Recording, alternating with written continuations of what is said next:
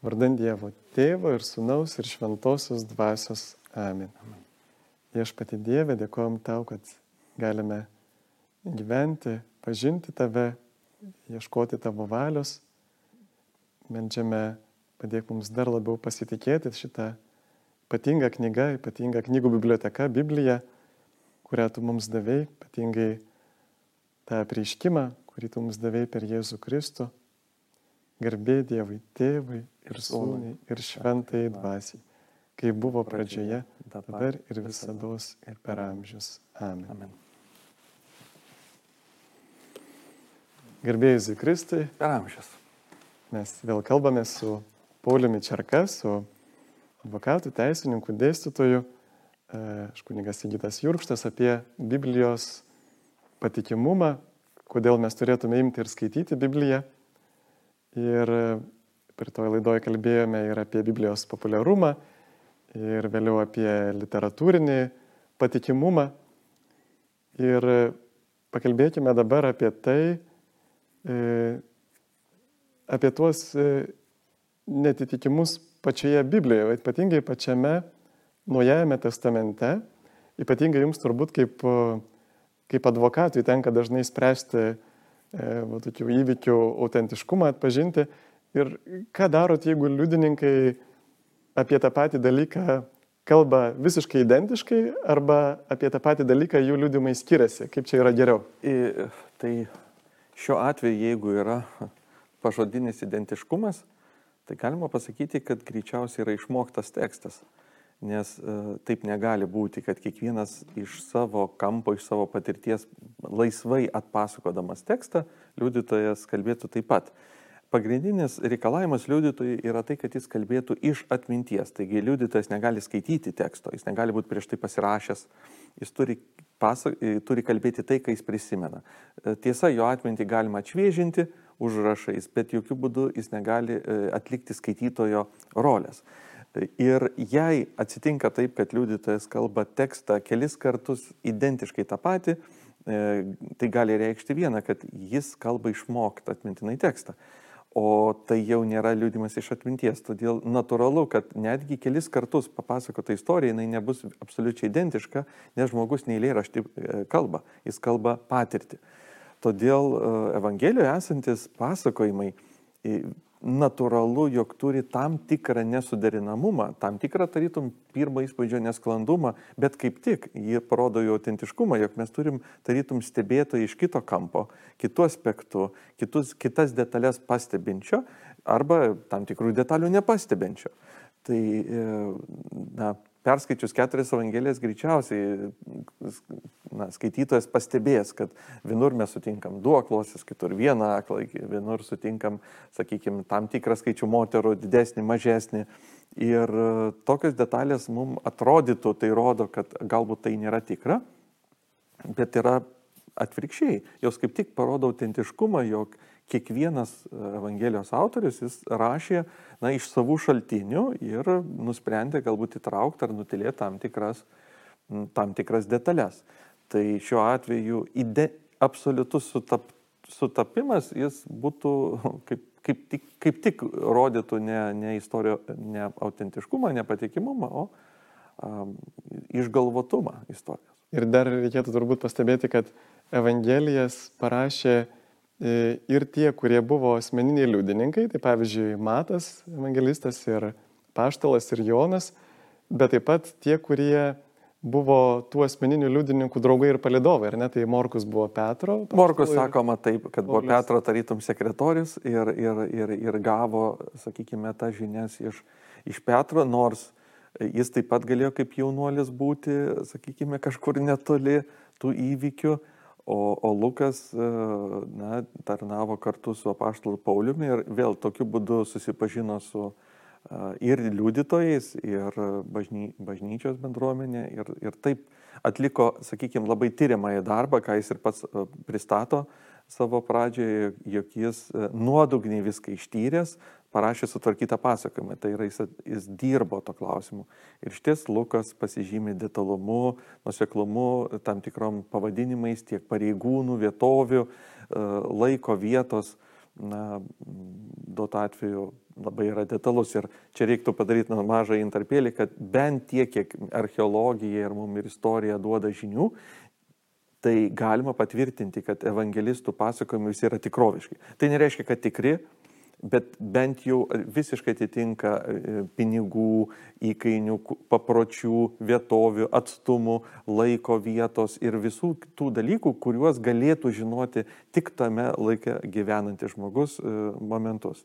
Tai yra, jie, jos yra absoliučiai tikroviškos, absoliučiai tikros kelionės laikas, papročiai, maršrutai laivų ir daug yra aspektų, kuomet tu gali patikrinti, ar, ar tai yra iš to laiko tarp atėjęs pasakojimas ir istorikai, na, po kol kas nėra radę nei vieno netitikimo na, pačios, pačios konteksto prasme. Nes jeigu aš kuriu istoriją, pavyzdžiui, po 200 metų, vis tiek išlenda kažkur tai įla, jog e, bandai įsivaizduoti, kad tais laikais gyveno kaip ryšiais. Vat jeigu šiandien mes turėtume rašytoją, kuris bando rašyti, kad ir istorinį romaną ten 18 amžiaus kontekste, tai istorikas visada ras netitikimų, sakydamas, na, galbūt rašytojas ir pasiruošė, bet ne iki galo. Ir visai yra kitaip, jeigu tu turi 18 amžiaus žmogų pasakojantį savo patirtį. Tai tokiu atveju pasintų netitikimų nebus. Tai bent jau iš tos pusės Evangelijos kontekstas, reiškia visą, ką mes skaitome, matome vietovės, e, papročius, vienetus tam tikrus matavimo, piniginius ir kitus e, na, idealiai atitinka būtent tą, o ne kitą laiką. Ir dar, pavyzdžiui, kad ir tas e, Nazareto miesto pavadinimas, ar ne, ilgą laiką šaipėsi kažkaip ateisti iš to, kad va čia niekur net nėra to Nazareto, bet galiausiai paskui atrado archeologinį radinį čia visai palyginti neseniai ir ne, kad vis dėlto buvo tas Nazareto miestas. Taip, jis, jis nežymus yra miestas ir kažkuria prasme čia daugiau mums yra pamokymas, kad Dievas gyveno labai nežymė mieste. E, taip mes kaip žmonės turbūt būtume pasirinkę na, netokį nežymų miestą. Ir buvo laikas, kai buvo dvėjojama, taip, ar, ar, ar, ar toks miestas yra autentiškas, bet šiai dienai, aišku, archeologiniai tyrimai ir mes turim ir dabartinį Nazareto miestą. Tai abejonių nepaliko, jis tikrai buvo, bet tiesiog buvo ne, negarsus, nepasižymėjęs nieko. Ir va, gal dar galima būtų paaiškinti tą tokį skirtumą, ypatingai chronologinį skirtumą, va būtent todėl, kad vieni evangelistai rašė iš atminties, ką matė, O pavyzdžiui, Morkus, jisai tiesiog, na, jisai, kadangi pats nebuvo liudytojas galbūt tų įvykių, jis tiesiog surašė visą tai, ką pasakojo, o pasakojo įvairiai, nebūtinai viską chronologiškai paštalas Petras. Suprantama, e, e, evangelistai nebuvo 21 e, amžiaus istorikai. Ir jie nerašė istorijos, kaip šiandien, na, sakytume, Šapokos istorija ar dar kažkaip sutvarkytas būtent mūsų kultūros aspektų istorinis pasakojimas tai yra mm, kitoks žanras. E, greičiau mes galėtume pasakyti, e, Evangelijos turi naratyvinio, na, tokio niuanso, kaip pasakojimas ir biografija. Biografija buvo žinomas garsių žmonių žanras e, senovės Romoje ir kažkuria pasme evangelistai skolinasi jį.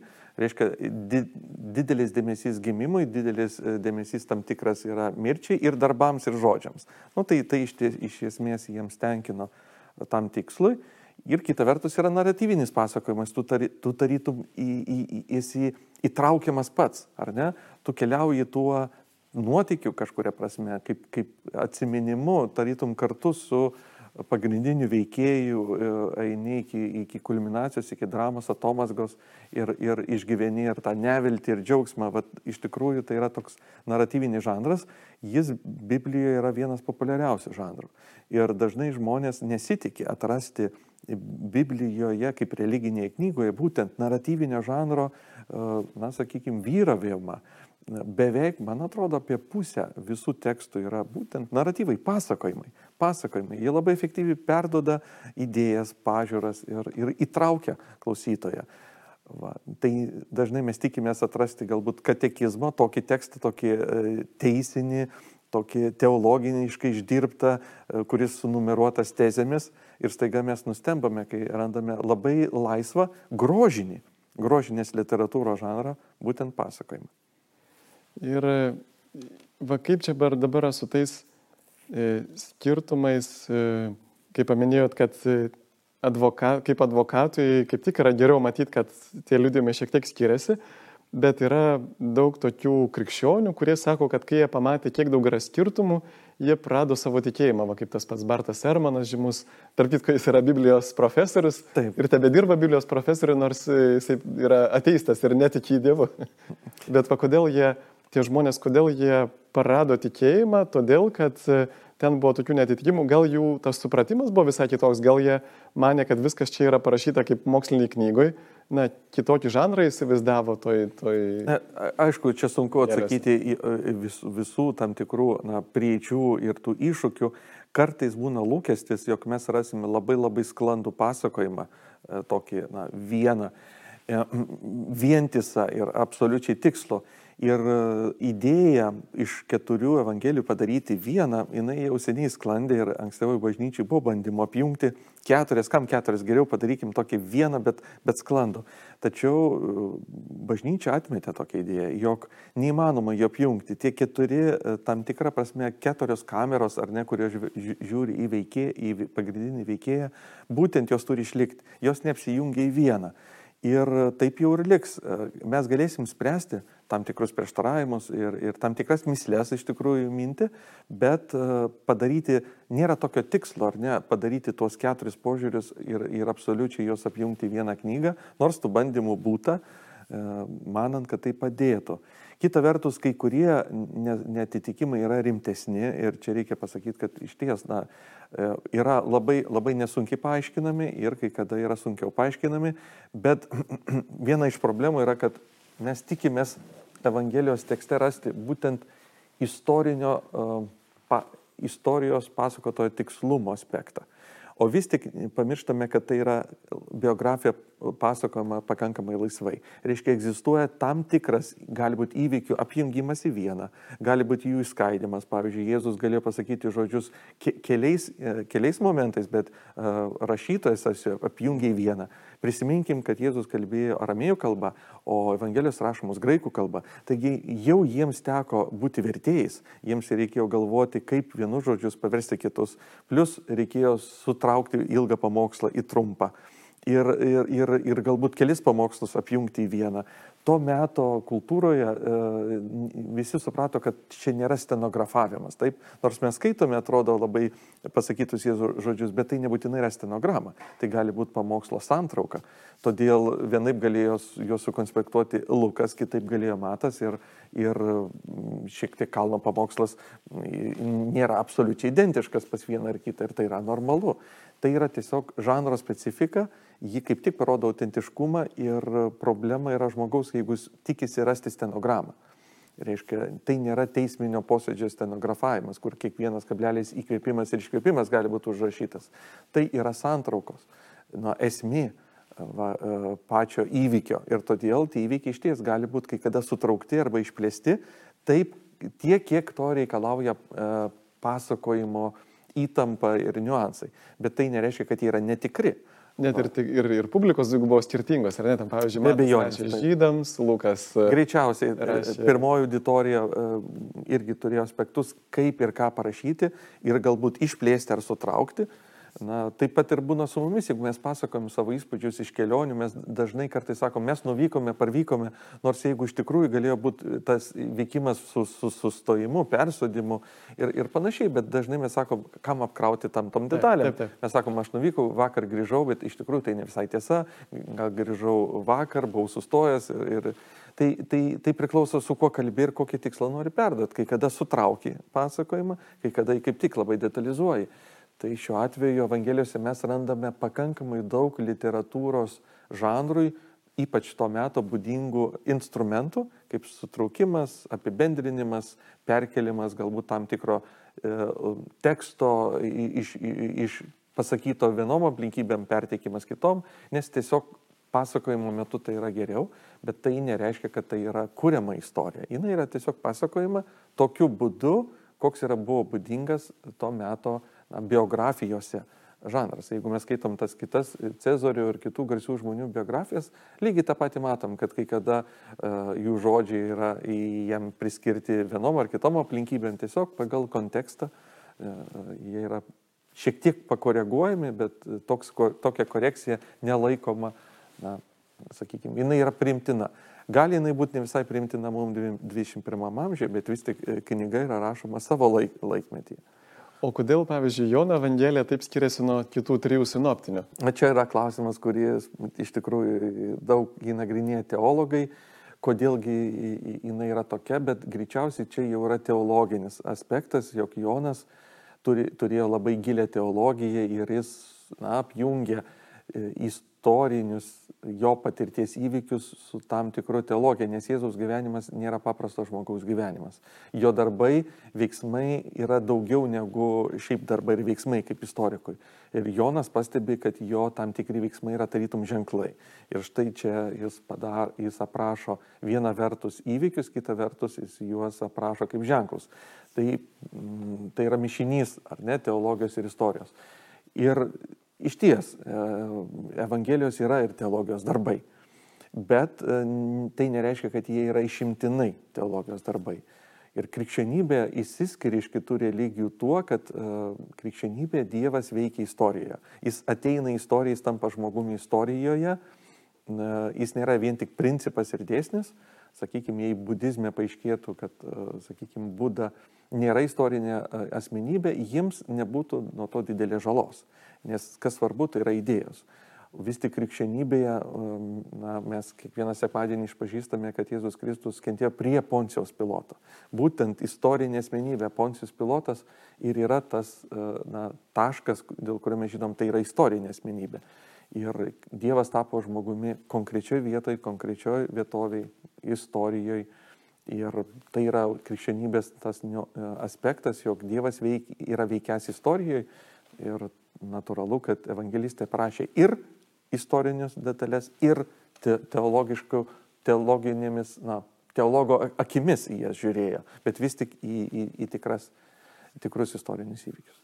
Netgi yra e, kalbama, kad e, turbūt atrodo Zebijus Cezarietis, jeigu neklystų, va, tas seniausias bažnyčios istorijos autorius, irgi kalbėjo, kad e, atrodo, kad Jonas tarsi norėjo parašyti, papildyti tai, ko dar nebuvo parašyta. Na, taip, kad, tai gali būti, taip, tai gali būti aspektas. Bet, o vat, dėl to parašymo dabar irgi kai kurie e, teologai taip ginčiasi, sako, kad, na tai gerai, jeigu čia yra jų vardais pavadinta, bet o galbūt parašė tas evangelijas jų jau ten mokiniai, mokinių mokiniai, bendruomenės, jie tik pasivadino va tais, pavyzdžiui, apaštulų vardais ir jeigu buvo parašyta vėliau, tai vadinasi nėra taip patikima, jau tada reiškia, kad ir tie Jėzaus žodžiai dar ieškoma, kurie ten tie Jėzaus žodžiai tikriausiai. Va vis dėlto kaip e, yra turbūt tos dvi tokios maždaug teorijos, ta ankstyvoji Evangelijų parašymo data ir vėlyvoji. Ir ar mes turim kažkokių tai ženklų, kurie liudija, kad va kada, ar Evangelija buvo parašyta iki Jeruzalės sugriovimo ar po? Na taip, e, e, kadangi Jeruzalės sugriovimas yra toks istorinis įvykis labai aiškus ir labai e, na, paveikęs visą kultūrą ir, ir to, to meto gyvenimą, jis įvyko 70 metais, tai, tai yra atskaitos tarytum taškas, ar ne, kuomet mes galim na, bandyti iš teksto nuspėti, ar jis yra iki ar po ir čia istorikai yra ir vienoje ir kitoje pusėje. Tačiau istorikai, kurie na, argumentuoja, kad Evangelijos galėjo būti parašytos po Jeruzalės sugrįvimo, čia noriu pasakyti, kad vėlgi tas po tai būtų 80 e, metais, e, vėliausiai 90, nes e, jau, jau tam laikotarpiu mes turim rankraščius prasidedančius. Reiškia, mes nebegalim nueiti toliau negu 90 metai, nes čia jau yra archeologija mums duoda pirmasis kopijas išlikusias, fragmentus, fragmentus kopijų. Tai e, šiuo atveju tam tikras yra, pasakyčiau, šališkumas ant, ant gamtiškumui, nes Evangelijose yra tos Jeruzalės sugriovimo pranašystė. A. Ir e, kaip istorikas kartais e, turintis besilaikyti tam tikro mokslinio uh, na, metodo atsisakančio priimti stebuklus. Naturalizmo. Naturalizmo, tokiu atveju tokias e, pranašystės gali paaiškinti tik to, kad kažkas ją įrašė jau įvykus. Na, tai būtų vienas iš argumentų, kad tai įvyko po sugriuvus, e, sugriuvus ir tokiu atveju Jėzaus lūpas yra na, priskiriama tarytum jis pranašauja. Bet ta pranašystė nėra jau tokia absoliučiai tiksli to vaizdinio, kuris buvo. Pavyzdžiui, Jėzus nieko neminė apie gaisrus, e, o jie jo buvo. Ir jeigu jau kažkas būtų į Jėzaus lūpas įrašę pranašystę, jis nu, būtų pasistengę padaryti na, detalesnę, taip, negu šiuo metu, negu jinai yra. Tai, tai, tai iš tos pusės. Kita vertus, jeigu mes sutinkame net ir Jono Evangelijoje ir evangelistų istorijoje Jeruzalės pakankamai ir gatves, ir vietovės labai tiksliai aprašančias, tarytum klausytojų žinančias ir, ir autorių žinančias. Jeigu mes kalbam apie sugriautą miestą, kur nėra nei tų gatvių, nei tų vietų, e, nei tų apieigų, kurios vyksta, labai keista, kodėl e, rašyti apie kažką, kas visai nebetlėpia Ir kita vertus, pavyzdžiui, Lukas, kuris tęsia pašlau darbus, visiškai nepaminė tokio įvykio. Tai būtų sunku na, suprasti, kodėl e, žydiš, žydišką pasaulį sudrebinusio įvykio nepaminėti, likti na, be to įvykio nepaminėjus. Sunku paaiškinti, kodėl evangelistai kalba apie na, Jeruzalės gyvenimą labai detaliai, tarytum jiems jis yra žinomas ir klausytojai žinomas, ir tie aspektai veda na, autorius į mąstymą, kad vis tik jie dar buvo parašyta iki, tai reiškia iki 70 metų. Na, jau čia mes turim apie 60 metus tokiu atveju gimimą, plus minus ir visiškai nedidelį atstumą nuo, nuo pačių įvykių aprašomojų, taigi laikas negalėjo leisti išsikreipti įvykiam. Ir čia, aišku, dar mokslininkai daug dirba per nagrinėdami tradicijos perdavimo būdą e, ir kartais buvo laikoma, kad yra vienintelis perdavimo būdas, tai tik tai taip kaip yra perdamos pasakos, pasakėčios ir sakmės tautose, tačiau šiai dienai jau mes žinom ir daugiau kitokių perdavimo būdų, ypač religinių tekstų ir kitų tiesų, jos yra perdavimas daug tiksliau e, ir, ir na, esant ir kitų žodinių perdavimo būdų, ypač žydiškoje tradicijai, mokytojo žodžių ir mokymo perdavimo tikslumo, galima sakyti, kad tikrai tas 30 metų, na, jis nebuvo pakankamas laikas išsikreipti, e, esant ar gyviems istorijų autoriams. Nes ir jie būtų protestavę, būtų alternatyvios versijos atsiradę, na, iš esmės, jeigu tos būtų nepriim, nepriimtinos. Tai. Bet reiškia, mes turime pavyzdžiui, Lukas, turbūt čia Luko darbai yra esminis dalykas datuojant, ar ne, tai Lukas parašė savo Evangeliją ir kaip Evangelijos tesinį, paskui parašė apaštalų darbus ir apaštalų darbai baigėsi ties apaštalo Pauliaus įkalinimu Romoje. Taip? taip. Ir kada mes žinome, kada Paulius mirė, reiškia, kad jis dar, kada buvo parašytas apaštalų darbai parašyti, jie nieko neminė apie Pauliaus mirtį, vadinasi, Paulius dar buvo gyvas. Greičiausiai, tai. O kada Paulius. Apie 60, man atrodo, ketvirtus metus Taip. Jo kankinystė, jeigu gerai atsimenu, tai greičiausiai, kad na, Lukas, jo bendražygis, būtų keista, ar ne, kad jis būtų pamiršęs paminėti tokį na, svarbų įvykį. Jo paties bendražygio. Jo paties bendražygio, su kuriuo jisai vat, kažkur tai apie vidurį pašto darbų, galima skaitytas, pastebėkit, kaip persijungia žodelis mes atsiranda ir vat, tada mes žinome, kad Lukas prisijungia ir taip mes beje ir galim nustatyti, kad tai yra Lukas, nes iš to žodelio mes žinom, kad e, būtent Lukas e, rašo ir kartu su Pauliumi keliauja.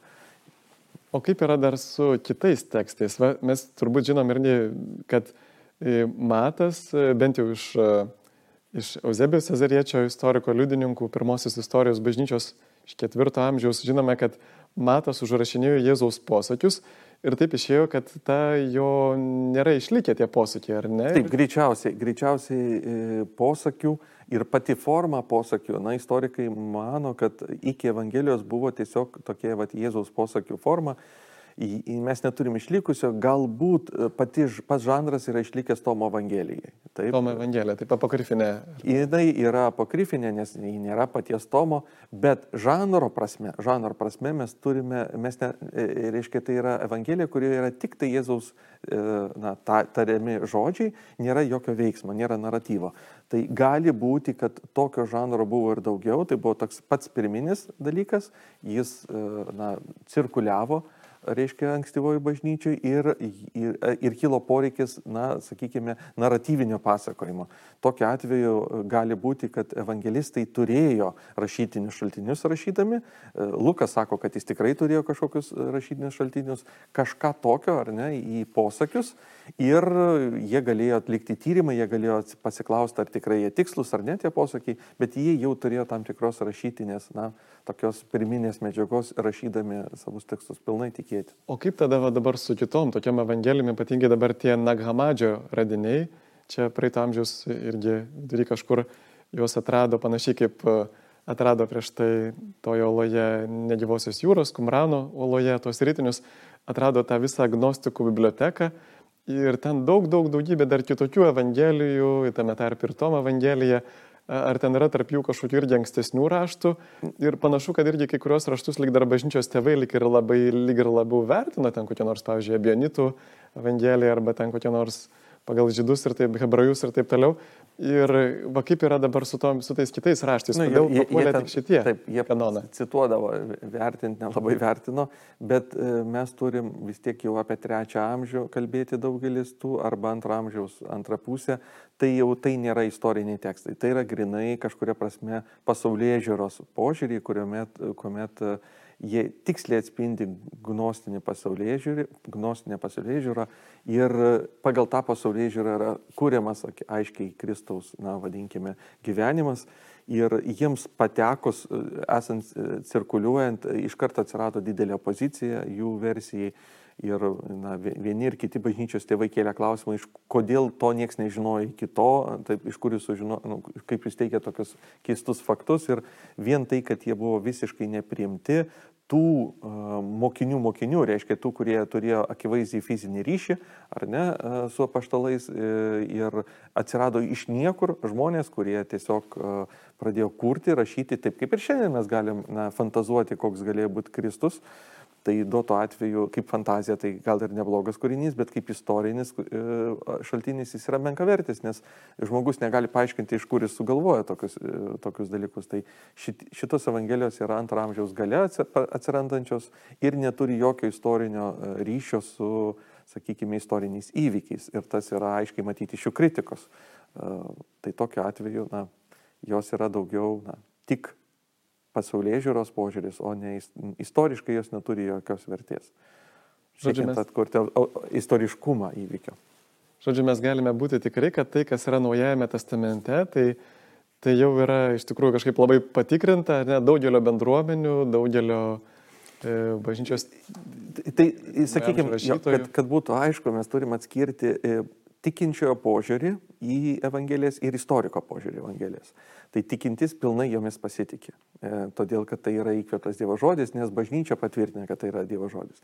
Istorikas gali laikyti tai patikimų dalykų, skirtingų patikimumų ir pavyzdžiui, e, Morkaus galas yra parašytas ne Morkaus, pavadinkim taip.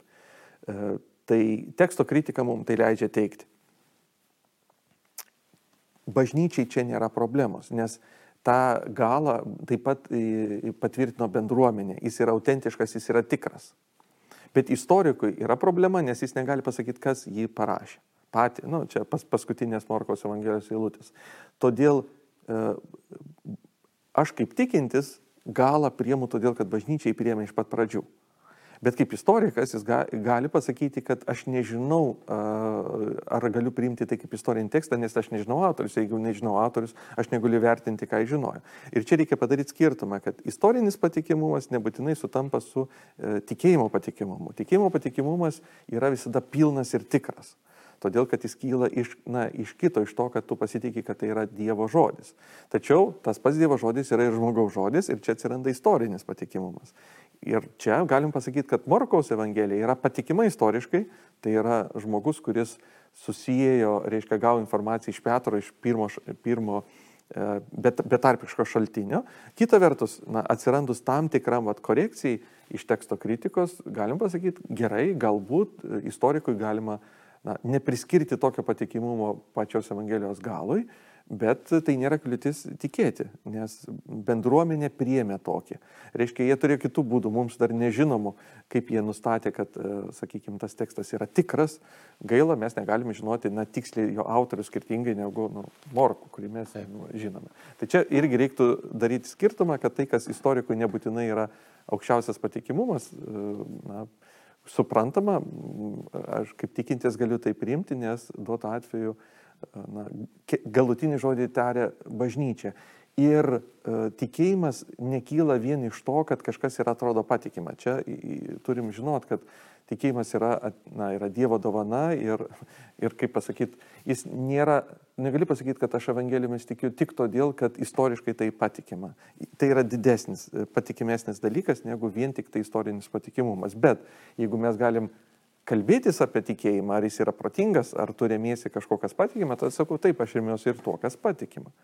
Čia kaip e, Stevenas Mėris irgi yra pasakęs, kad e, širdis negali džiaugtis ir šlovinti to, ką protas atmeta, tai vis tiek mums yra svarbu atrasti. Mums svarbu, tai. Proto argumentus. Proto. Ir aš gal tada apibendrinsiu apie Naujojo testamento patikimumą, kad mes išsiaiškinom irgi, kad e, visų pirma tai yra ankstyvi liūdėjimai tų žmonių, kurie arba savo akimis regėjo, nu, kalbant apie Naujojo testamentą, apie Evangelijas, visus Naujojo testamento autorius ir, ir laiškus ir Evangelijas, kad tai yra ankstyvųjų, tų, kurie matė savo akimis e, Jėzaus mirtį, prisikelimą, gimimą ir tų, kurie, arba tų, kurie buvo draugai arba ištyrė ir kalbėjosi su tais, kurie matė savo akimis.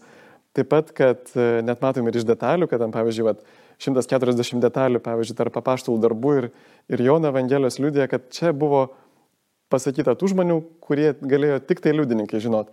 Arba, pavyzdžiui, yra irgi išsiaiškinam, kad yra nepatogių ir gėdingų dalykų, va, kaip, pavyzdžiui, Jėzus pavadina Petrą šetonu ir taip toliau, ten, kad moteris pirmas liudininkės, kad išsibėgiojo visi, e, visi apaštalai, tik tai moteris liko prie, prie Jėzaus kapo. Ir taip pat matom irgi, čia yra labai svarbus dalykas, kad tie apaštalai, kurie skelbė tai, ką jie matė, jie sutiko būti nukankinti reiškia, prado savo gyvybės, e, nesėdėjo savo patogiai, bet visi išskyrus vieną, Joną e, buvo nukankinti, pats Jonas tremtyje buvo, reiškia, tai irgi labai labai ryškus paliudimas, net tas žodis marti, martyros atrodo ir, ir kankinys, ir liudytojas yra tas pats žodis graikų kalboje. Taip. Ir taip pat išsipildė pranašystės, kas irgi mums gal nežydams mažiau žinoma, bet yra labai nuostabių pranašyšių, kurios išsipildė apie Jėzų Naujajame testamente, taip pat yra, kad kitų šaltinių, ekstra biblinių, kad e, apie dešimt šaltinių, kurie liudyja tuos dalykus, kurie yra Evangelijose, yra parašyti, taigi mes tikrai galime pasitikėti Evangeliją, pasitikėti Naujojų testamentu. Ir vis dėlto Jėzus sako, e, kam nėra duota tėvo, tas neteina pas mane, bet e, galime prašyti tos tikėjimo dovanos, vis dėlto pasitikėjimas tai yra taip, kad iš tikrųjų, kad Dievas mums apsireiškia būtent ir per šitą knygą, per tuos liudininkus, kurie savo gyvybės paukojo. Tai dėkojame už pokalbį, gerbimas Pauliu, ir dėkojame tau Dievę už, už tai, kad e, tu mus nepaliaujamai vedi vis giliau į savo paslapčių pažinimą, vis arčiau tavęs. Padėk mums įvertinti tą brangų perlą, kurį turime Motina Marija, melžiame, kad ir tu mus globotum ir vestum šioje kelionėje pas savo sūnų. Sveika Marija, malonės pilnoji, viešpat su tavimi, tu pagirta tarp moterų ir pagirtas tavo sūnus Jėzus. Šventoji Marija, Dievo motina, melsk už mus nusidėlius, dabar ir mūsų mirties valanda. Amen. Viešpats mus tą palaimina, tą saugo nuo visokio blogio, tai nuveda mus amžiną gyvenimą. Amen.